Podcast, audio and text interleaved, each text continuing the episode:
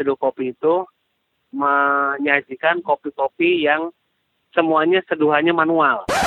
Espresso itu kopinya pekat dan jumlahnya tidak terlalu banyak. Makanya orang kadang suka bingung ah kok kecil? gitu ya. Udah kecil pahit lagi. Kopi enak itu adalah kopi yang pahit. Dikibulin Belanda kita ya? Loh dari dulu kita itu kalau orang merokok sambil ngopi apa pun kopinya pasti dibilang pahit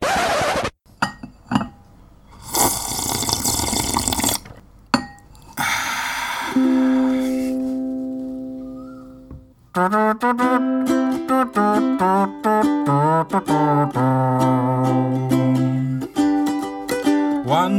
cup of coffee, then I'll go. Though I just dropped by to let you know that I'm leaving you tomorrow. I'll cause you no more sorrow. Cup of coffee, then I'll go. Assalamualaikum. Halo apa kabar? Kita ketemu lagi di podcast Suarane.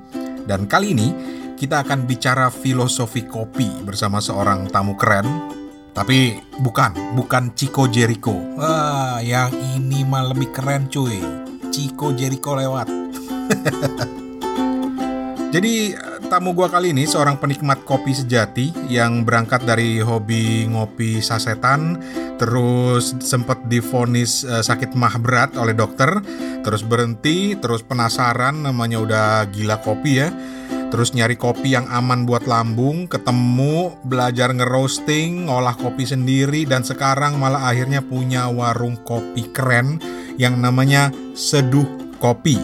Simple banget namanya, dan warung ini ada di daerah Tangerang Selatan sana. Nanti kita akan cerita lebih banyak.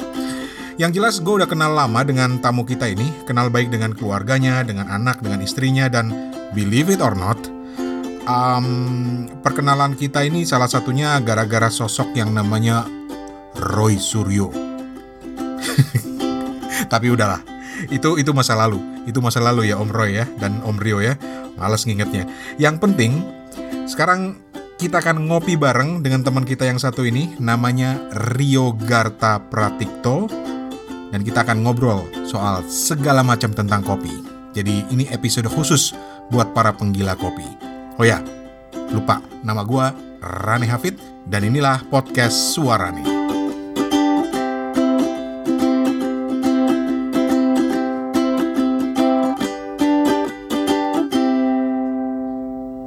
Ya, tamu di podcast Suarane kali ini uh, namanya Rio Garta Pratikto. Mohon maaf kalau salah karena waktu saya pertama kali ketemu orangnya saya selalu bilang Rio Gatra. Jadi Rio Gatra atau Rio Garta sih sebenarnya? Rio Garta. Rio Garta. uh, sebenarnya yang, yang bikin saya penasaran kenapa akhirnya saya nelpon Rio ini untuk ngobrolin soal seduh kopi dan cerita kopinya adalah karena awalnya sering banget cerita tentang kopi di Facebook. Dan saya follow Rio sering juga cerita tentang seduh kopi gitu ya sehingga membuatnya menjadi unik karena ada ceritanya di situ. Tetapi buat yang belum kenal apa sih yang menarik? Apa yang membedakan seduh kopi dengan produk-produk uh, kafe atau warung kopi lainnya? Sebenarnya secara jujur sih nggak terlalu banyak berbeda dengan warung kopi lainnya. Hanya mm -hmm. mungkin ini ya saya juga nggak berani menyatakan ini yang paling berbeda gitu. Tapi diawali dari bahwa seduh kopi itu menyajikan kopi-kopi yang semuanya seduhannya manual. Oke. Okay.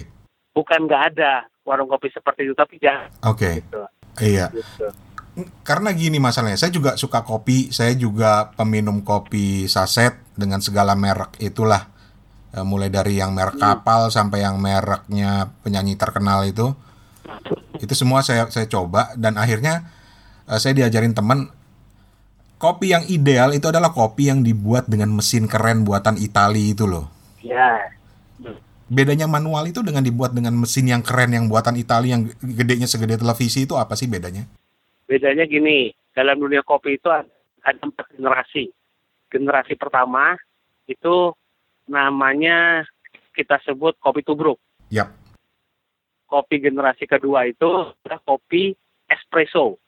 Nah, espresso inilah kopi yang dia ciptakan dari mesin-mesin yang tadi disebutkan itu. Yang gede-gede itulah. Yang ada mesinnya gede, ya itu. Uh -huh. Itu sebetulnya mesin penghasil espresso. Uh -huh. Dari kopi jenis espresso inilah lahir berbagai macam jenis kopi yang uh, dicampur susu. Dari mulai latte lah, uh, cappuccino, uh -huh.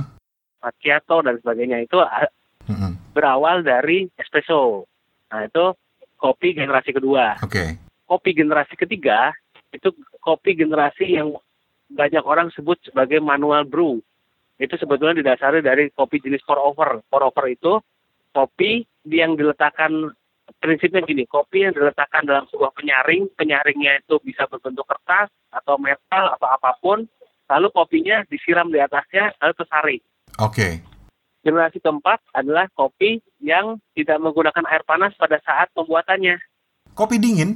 Nggak, nggak kopi dingin. Tapi kopinya itu diseduh tidak menggunakan air panas. Oke. Okay.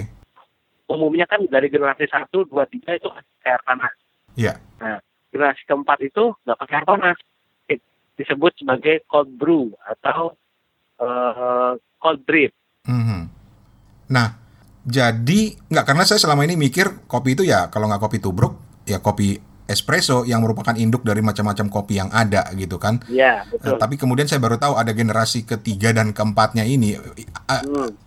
Apa sih yang membedakan uh, mungkin dari rasanya atau dari produknya atau dari efeknya misalnya?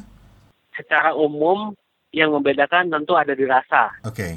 Kalau kopi tubruk itu kekasannya karena dia kopinya tetap terendam dalam gelas. Karena kan ngerasainnya dari awal diseduh sampai akhir rasanya berubah kan? Uh-uh. dia kopinya terus terekstraksi tuh sampai akhir. Makanya ketika minum masih dalam keadaan baru diseduh dengan minum setelah beberapa saat setelah diseduh itu pasti beda rasanya. Karena kopinya ada dalam uh, seduhannya itu. Dia terus berekstraksi iya. Sementara kalau espresso itu kopinya air panas itu dipaksa dilewati dengan tekanan. Hasilnya itu kopi yang pekat dan jumlahnya tidak terlalu banyak, mungkin sekitar 30 sampai 30 sampai 60 eh 30 mili lah paling. Hmm. Kalau nggak salah ya, sekitar segitu. Kecil kan, makanya orang kadang suka bingung, ah kok kecil gitu ya? Espresso memang begitu. Udah kecil pahit lagi. eh, nah ini ya, espresso nggak semuanya pahit. Espresso nggak semuanya pahit? Tidak semuanya pahit Kenapa pahit? Karena espresso biasanya dihasilkan dari kopi blend. Blend itu ada campuran antara robusta sama arabica. Oke. Okay. Nah biasanya nih konon nih kata orang, kalau orang Eropa atau orang luar lah orang Barat itu, uh -huh. dia lebih suka mencampurnya arabikanya 70%, robustanya 30%. Oke. Okay. Sementara orang kita itu dibalik 30 30 persennya arabica, 70 persennya robusta. Oke. Okay. Nah, kita, kalau bicara robusta sama arabica, robusta itu rasanya sudah pasti pahit. Oh, robusta itu sudah pasti pahit. Iya, istilahnya ini uh, pahitnya sedang, ini pahitnya ini pahit banget, ini nggak terlalu pahit ya. Pokoknya sekitaran pahit lah kalau robusta ya. Mm-hmm. Tapi kalau kita bicara arabica, arabica itu rasanya sangat bervariasi. Oke. Okay. Pahitnya ada, rasa asam aja tuh cobain. Nah itu dicampur jadi blend. Kenapa pahit? Berarti karena robustanya kandungannya lebih banyak daripada arabica. Oke. Okay. Kalau kopi yang campuran arabikanya lebih banyak, pastinya nggak pahit. Apalagi yang murni arabica. Oke. Okay. Itu nggak pahit. Ya pahit sih, hanya pahitnya nggak nggak banget banget gitulah. Nggak parah-parah amat gitu ya. Oke, ini mungkin ini mungkin pertanyaan benar-benar kelas amatiran. Kalau gitu tuh kopi-kopi saset itu diolahnya gimana sih? Uh, itu arabica atau robusta, terus uh, Kenapa sih banyak yang nagih? Saya terus terang uh, baru mulai bisa meninggalkan kopi yang merek uh, kapal itu pada saat saya pindah ke Thailand karena nggak ketemu kopinya. Hmm. Apa yang bikin dia nagih gitu loh? Ini saya mengajak berpikir aja gini ya. Uh-uh. Antara kopi robusta sama kopi arabica itu lebih mahal kopi arabica. Oke. Okay. Mahalnya bisa tiga kali lipat harganya, tiga sampai empat kali lipat. Uh-huh. Jadi misalnya robusta itu harganya tiga puluh ribu kilo, mungkin Arabica bisa sampai 90 sampai 120 ribu. Jelas bedanya ya. Oke. Okay. Sekarang katakan Robusta yang mungkin dibeli kalau belinya dalam bentuk banyak mungkin bisa cuma 25 ribu kali ya. Saya juga belum pernah beli sampai tontonan gitu. Atau kurang dari itu. Dihitung-hitung aja sekarang. Oke. Okay. Kalau kopi uh -huh. katakan bisa sampai 20 ribu kilo. 20 ribu sekilo itu masih bentuk green bean. Green bean itu harus di roasting. Yep. Setelah di roasting, dia akan menyusut kurang lebih eh, dua puluh persen penyusutannya. Jadi 80 persen. Jadi satu kilo itu jadi 800 gram. Mm-hmm. Nah, dihitung-hitung sendiri aja kira-kira. 800 gram kopi saset itu isinya kurang lebih 10 gram ya. Yep. 10 gram dikasih gula, lalu dibungkus pakai packaging, lalu bicara distribusi dan sebagainya, gimana bisa harganya sampai 1.500? nah, masuk akal nggak?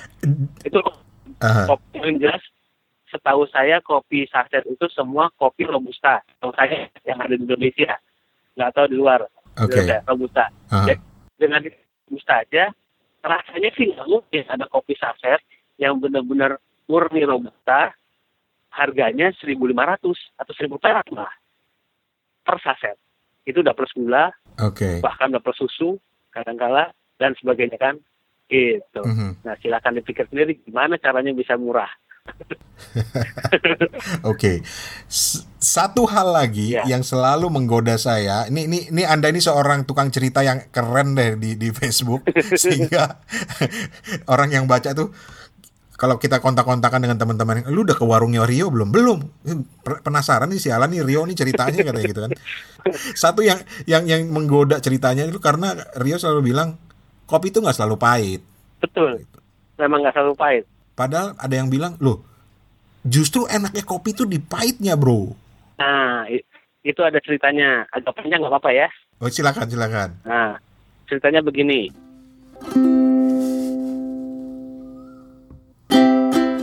Eits, nungguin ceritanya ya. sabar, sabar, sabar. Mohon izin sebentar, mau pesan sponsor, bentar aja um, cuma mau ngasih tahu uh, apa udah subscribe ke podcast suaranya apa belum. Uh, kalau belum gampang uh, cari aja kata kunci atau keyword suarane di iTunes atau di aplikasi podcast lainnya. Kalau di Android gue rekomend pakai Podcast Addict.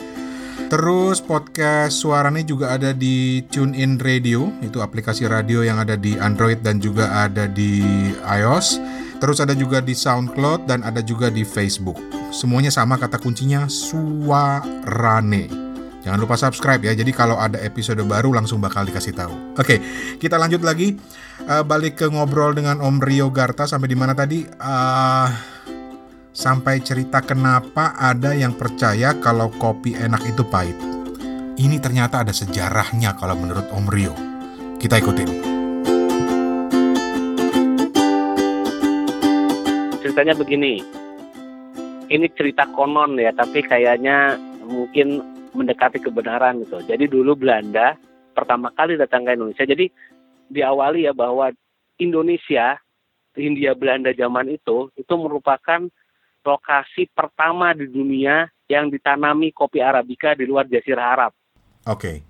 Belanda bawa ke sini bentuk Arabica, diteliti di Pondok Kopi, makanya namanya Pondok Kopi. Oke. Okay. Terus ditanam di daerah pertama di Jawa Barat.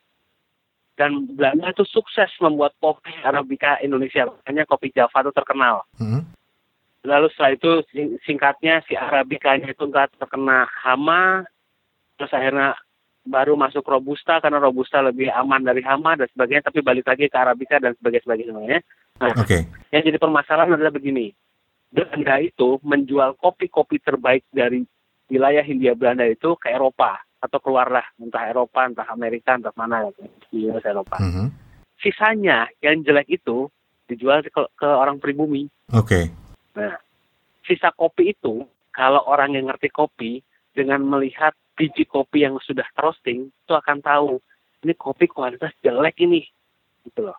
Mm -hmm. Itu sebabnya banyak orang menjual kopi dalam bentuk bubuk. Termasuk yang kopi-kopi saset itu. Dari kopi saset yang jual biji, nggak ada. Mm-hmm. Nah, dari situ, karena, nah ini karakteristik kopi ya. kopi itu kalau roastingnya kan ada yang dari warna, ada yang warnanya muda, uh, coklat tua, coklat muda, sampai ke warnanya dark, yang hitam. Oke. Okay. Kopi yang di roasting jadi hitam, itu apa pun jenis kopinya, mau seperti apa pun kualitasnya, rasanya hampir sama, pahit. Mm -hmm. Jadi mau kopi jelek, mm -hmm. mau kopi bagus, kalau roastingnya sampai dark, darknya benar-benar dark, itu rasanya udahlah pokoknya hampir sama lah pahit gitu aja mau dicampur-campur kopi apa juga orang nggak akan tahu apalagi udah bentuk bubuk mm-hmm. nah kalau tapi kalau kopinya di roastingnya di bawah itu kopinya medium roasting atau di bawahnya lagi light roasting itu rasanya beda beda beda akan ketahuan ini kopi enak ya rasanya ada buah ininya ini kopi rasanya seperti apa itu kalau kita bicara arabica ya yeah. gitu nah karena itu kopi-kopinya itu sudah katakan kopi udah uh, defect ya kalau di kopi itu udah kopi defect kopi artinya kopi itu kan dipilih biji kopinya yang bagus-bagus kan jadi specialty jadi specialty grade 1, grade 2, grade 3 nah ini udah grade terakhir lah gitu namanya kopi-kopi defect itu nah kopi defect itu di roasting menjadi sangat gelap itu rasanya seperti itu pahit lalu Belanda menanamkan ke orang-orang kita kopi enak itu adalah kopi yang pahit. Allah. Begitu ceritanya sih. Dikibulin Belanda kita ya? Loh, dari dulu kita itu sampai sekarang, sampai ya mungkin masih 10 tahun yang lalu, kita tuh masih dikibulin. Banyak banyak sekali kopi-kopi kita yang bagus tuh justru diekspor keluar. Sementara kita dapat kopinya kopi-kopi sisa. Aha. Dan begitulah rasanya pahit. Jadi faktor pahitnya itu satu dari jenis kopinya, kedua dari hasil roastingnya ya? Iya, sebetulnya semua kopi kecuali robusta itu sebetulnya nggak pahit kalau roastingnya benar hmm. dan menyeduhnya juga benar gitu. Oke. Okay. Uh.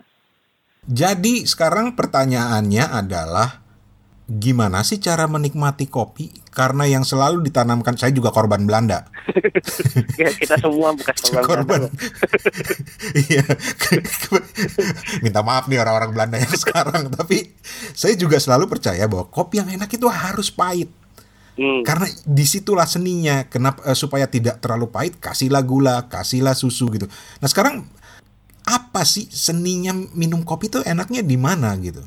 Itu seperti agak sulit ya di, di nikmatnya di mana gitu. Karena gini, ha, betul. Subjektif jadinya. Beda kata orang, beda lidah, beda rasa, beda pembuat juga beda rasa gitu kan. Tapi yang jelas begini, kopi itu tidak selalu pahit. Artinya ada memang kopi enak yang pahit, ada tapi pahitnya beda. Beda sekali sama kopi mm-hmm. pahit yang biasa dirasakan dalam bentuk saset. Beda rasanya. Mm-hmm. berbeda sekali deh pokoknya. Pahitnya tuh masih ah, enak deh pokoknya deh gitu loh. Kalau kopi-kopi pahit yang nggak enak itu itu hanya enak kalau dikasih gula. Oke. Okay. ya kan? Coba uh, Om Rane beli kopi yang biasa di Indonesia dulu itu mm-hmm. uh, nggak pakai gula di minumnya. Kalau bisa bilang enak hebat. Nggak Nggak, nggak suka. Nggak suka. Nah, kopi-kopi pahit yang memang dibuat memang untuk pahit, tapi bukan bagian dari itu, itu pahitnya tetap enak. Sebutlah katakan misalnya kopi-kopi Toraja. Kopi-kopi Toraja itu kalau di di roastingnya agak tua gitu ya, mm-hmm. itu pahit, tapi enak pahitnya. Masih ada asam-asamnya dikit gitu, enak. Gitu. Atau kalau itu bicara kopi arabica. Kalau kita bicara kopi robusta, robustanya benar-benar robusta murni ya. Hmm. Itu pahit tapi enak tetap. Hmm. Itu. Ini salah gue wawancara nih jadi pengen ke sana nyobain. ya ditunggu deh kalau gitu. Sekarang kita masih di sini. jadi nggak karena terus terang yang saya, saya, saya saya itu saya itu peminum kopi sejati. Saya pernah ngalamin sakit mah kayak uh, Om Rio. Uh, sempat juga diancam sama dokter, lu kalau nggak berhenti minum kopi lu akan akan begini terus, tekanan darah katanya tinggi segala macam bla bla bla bla. Tapi kemudian uh, saya nggak tahu ya belakangan mungkin lima tahun terakhir ini uh, minat orang pada kopi yang yang lebih spesifik dari rasanya, dari jenisnya itu baru mulai muncul saya jadi penasaran gitu. Jadi kalau saya mau menikmati kopi dari selain dari pahitnya, kalau tadi ada kopi yang tidak pahit, jadi apanya lagi yang harus saya nikmati dari kopi itu? Karena ada yang bilang, oh ada rasa buahnya sedikit, ada natinya. Oh iya betul, ada rasa buahnya. Nah, saya tuh nggak pernah ngerasain gitu, karena di sini sering sekali keluar masuk kok kafe ada ada orang yang punya uh, bisa ngerosting sendiri nyobain dia bilang ini ini ini ada rasa natinya ini ada rasa ininya ini betul betul sekali buat saya sama aja semua gitu apa karena nggak pernah terlatih aja uh, mungkin cara minumnya salah mungkin Iya, ini lagi nih. Karena banyak hal. Contoh nih. Gimana tuh? Uh, kata orang itu minum kopinya lebay gitu ya. Kopinya itu diseruput sampai bunyi. Oke. Okay. Pernah enggak? Uh -huh. Nah, kata orang tuh minumnya ah lebay banget minum kopi begitu. Tapi begitu emang cara menikmati kopi. Harus diseruput. Nah, bukan harus ya, tapi kalau ingin menikmati rasa benarnya pada saat kopi itu ada diawali dari proses uh, dari namanya semacam cupping gitu ya. Cupping itu apa kegiatan menilai rasa kopi. Itu semuanya caranya diseruput. Itu udah internasional. Semua di gitu. Sampai bunyi keras. Kayak gitu lah. Oke. Okay.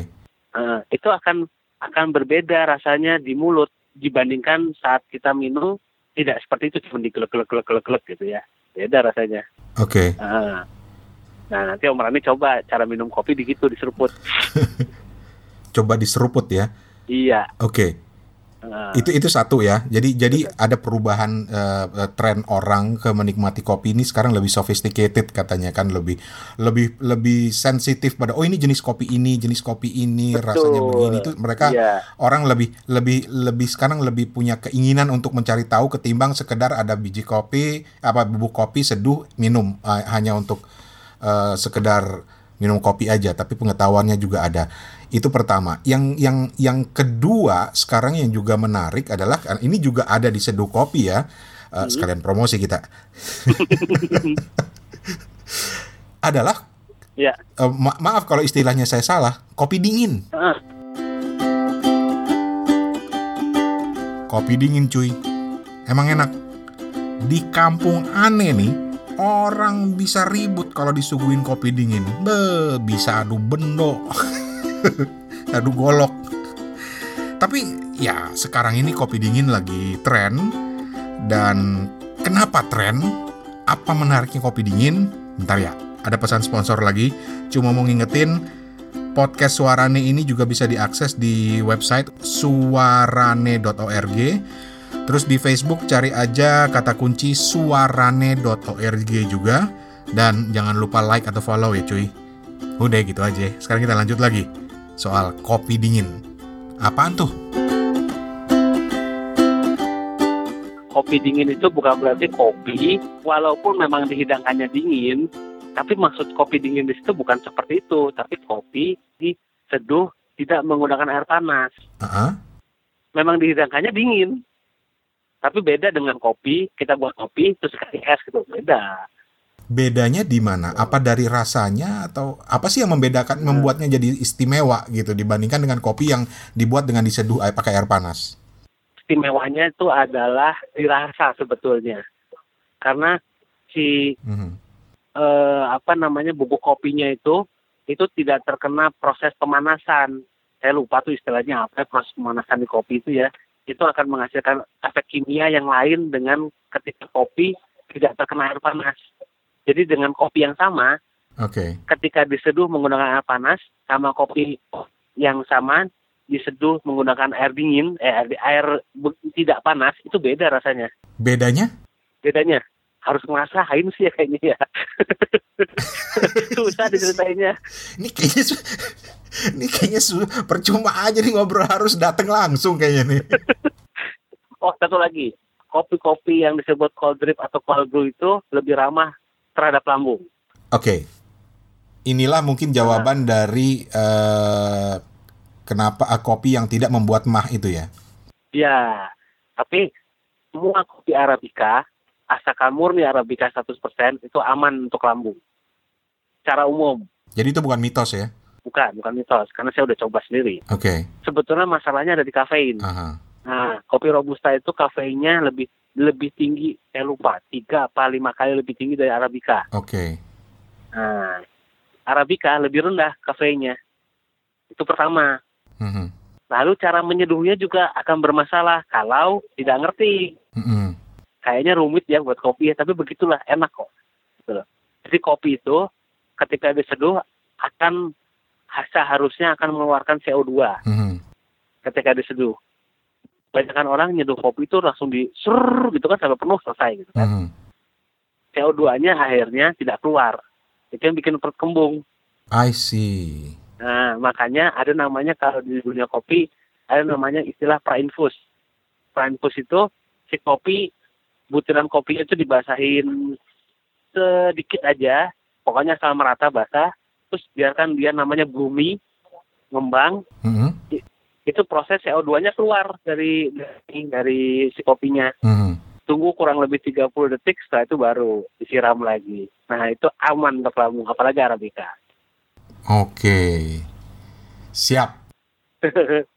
Eh, Anda juga sering eh, cerita kalau Aga, ini buat yang belum kenal, Aga ini anaknya Om Rio dan Yuli, itu juga suka kopi. Padahal dulu kita selalu bilang, eh anak kecil nggak boleh kopi. Kalaupun mau kopi kasih sesendok aja biar nggak setep. Saya ingat dulu waktu kecil seperti itu diajarinnya. Oh, betul-betul. Kalau terlalu kecil nggak boleh. Aha. Aga itu baru baru minum kopi itu di usia 7 tahun, 6 6 7 tahun. Tapi ya itu kopinya arabica jangan robusta. Iyalah, pasti ada batasannya. Walaupun yang pahit juga agak suka. Dua-duanya suka sih, tapi dia bisa bilang bahwa yang ini aku nggak suka, tapi kena. Gitu. Jadi dia bisa menyatakan ini kopi enak tapi bukan style gue nih gitu kopinya. Hmm, dia dia udah bisa bilang begitu ya? Iya, udah bisa bilang. Jadi di awal-awal dulu saya malah karena dulu saya itu bekas perokok, Mhm. eh, lidah tuh kurang sensitif sama kopi. Jadi dulu awal-awal buat kopi pertama itu saya selalu nge- ngetesnya ke Aga. Ke anak saya tuh, dah cobain nggak enak nggak? Gak enak ya yang ini. Udah saya percaya sama dia nggak enak. Kalau dia bilang enak, Mhm. saya percaya. Saya kasih ke orang bener enak sih masalahnya. Oke, itu itu itu persis pertanyaan eh, berikutnya saya, yaitu Hah? kopi nggak pakai rokok emang enak? sebagai ex perokok ya sebagai ex perokok dulu saya juga nggak percaya jadi dulu saya sering ngobrol sama temen yang suka kopi itu dibilang yuk kamu ngopi tapi ngerokok. Kan sebetulnya nggak ini. Saya mikir kopi kan pasangannya rokok. Yes. udah titik. Aha. ya kan? Hingga suatu hari saya akhirnya udah mulai keciprong ke kopi. Lalu saya belajar cupping di sebuah sekolah gitu kan. Karena jadi selain otodidak saya ingin mengetes eh, bener nggak dia teori saya. Jadi saya ikut kelas kelas cupping. Aha. Nah di kelas cupping itu saya bener-bener malu bener-bener malu malu kenapa karena pada saat di kelas cupping itu pada saat cicip cupping yang model gitu ya itu sebelah saya tuh bilang gini Mhm. ada rasa nangka, ada rasa apa misalnya kayu manisnya, ini agak natil. Sementara saya ini rasanya apa ya, kopi aja. kan agak-agak malu gitu karena saya awal-awal nyontek kebetulan sebelah ngomong rasa lemon lah saya bilang aja rasa lemon sembari nggak ngerti kayaknya kok nggak ada rasa lemon apanya segala macam gitu nah itu semenjak itu saya mikir Aha. ini kayaknya gara-gara rokok nih bener deh Oh gitu. karena saya sempat berhenti dari rokok tiga bulan Aha. untuk ikut kelas cupping itu lagi. Aha. Nah, setelah tiga bulan itu baru saya ngerasain itu. Oh iya bener ya, ada rasa ininya, ada rasa itunya, dan rasa itunya segala macam. Jadi memang rokok itu si nikotinnya kawan-kawan itu menutup pori-pori lidah. Sehingga pengecap rasanya tuh hilang. Oke. Akibatnya kalau orang merokok sambil ngopi, apa pun kopinya pasti dibilang pahit. Hmm. Nah, begitu. Tapi kalau orang nggak merokok, itu pasti bisa ngerasain ada rasa ininya, ada rasa itunya, ada rasa ininya, dan sebagainya. Oke, kita menjawab macam-macam mitos hari ini. Tapi eh, saya justru jadi jadi pengen ngas, nanya satu lagi soal seduh kopinya sendiri. Karena Mm. Anda Anda dari cerita-cerita Anda di Facebooknya itu kan kemudian bawa seduh kopi. Oh ya, nama warungnya Rio. Kenapa baru saya ingat sekarang? Nama warungnya Rio itu adalah Seduh Kopi. Silakan dicari di Facebook, di di Facebooknya Rio Garta juga ada. Dijamin tertarik kayak saya dan akhirnya saya pengen ngobrol kayak begini. Kasih. di warung itu kan da- dari cerita-cerita Rio di Facebook adalah menjual macam-macam kopi seperti yang tadi sudah Rio cerita ya, termasuk kopi tubruk ya. Termasuk semua jenis kopi manual brew. Iya, kecuali ke- Ah, yang manual ya, kecuali yang Iya. yang nggak pakai mesin ya. Eh, kecuali yang pakai mesin tuh nggak dijual ya. Tapi jangan salah, saya juga jual espresso loh. Oh, katanya espresso harus pakai mesin. Ah, saya punya mesin manualnya. Mhm. Mesin manual espresso tuh banyak, ada Rockpresso, ada ah, banyak deh sebetulnya. Oke. Nah, dengan segala macam jenis kopi yang kemudian di, dijual di seduh kopi untuk menawarkan kepada teman-teman untuk merasakan sensasi kopi yang macam-macam itu, yang Mbok sekalian buka kelas ngajar kopi gitu loh, Om. Rencana, rencana. Ini ini ini saya lagi nyalain kompor ini. gitu.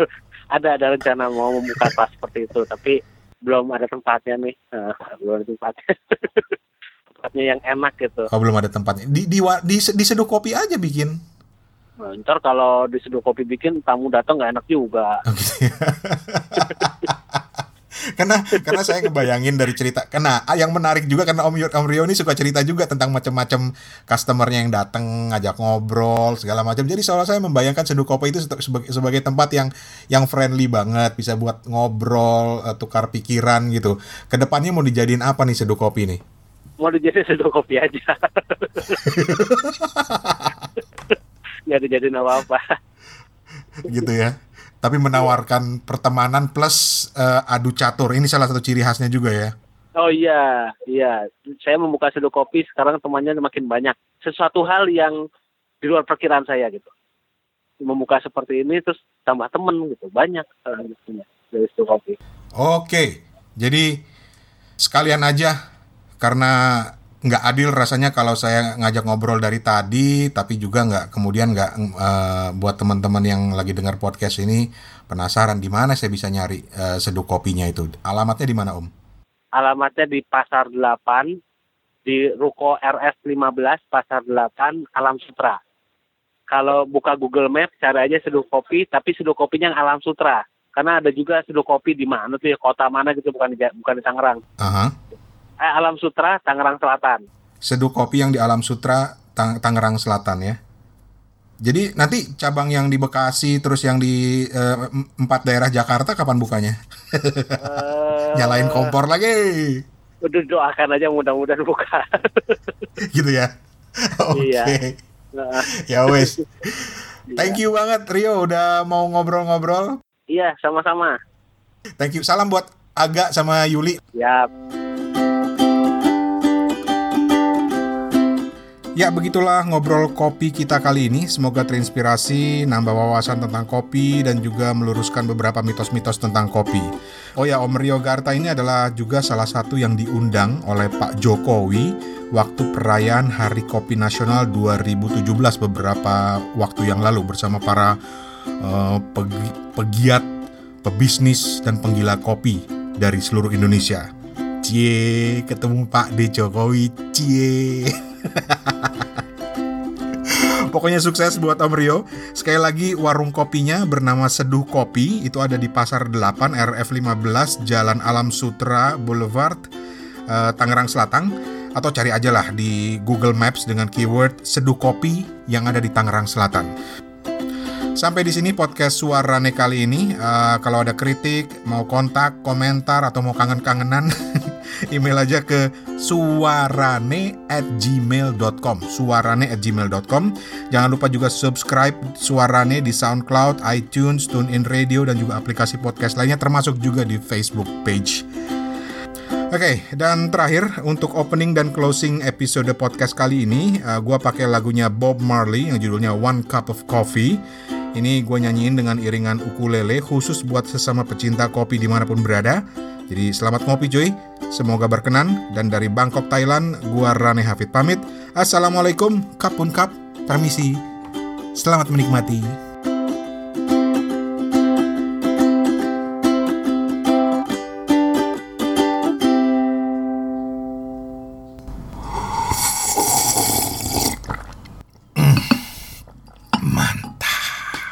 Iya, kita nyanyi lagi.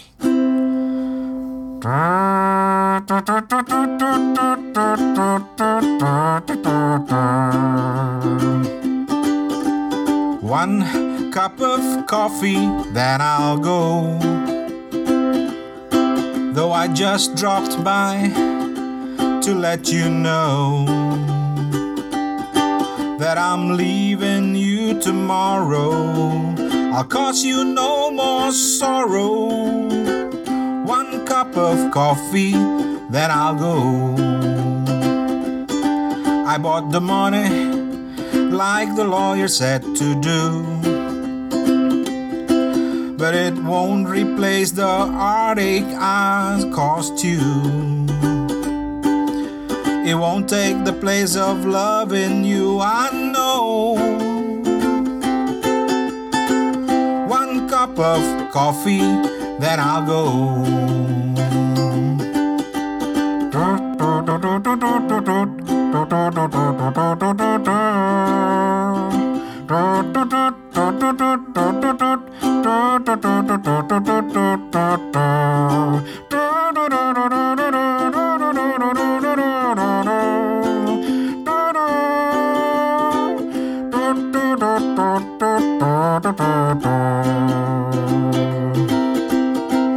Tell the kids I came last night and kissed them on their sleep. Make my coffee sweet and warm, just the way you used to lie in my arms. I bought the money like the lawyer said to do. But it won't replace the heartache I've caused you. It won't take the place of loving you, I know. So one cup of coffee, then I'll go. One cup of coffee, then I'll go. Hmm, pakai gini ya. Keseduh kopi, then I'll go.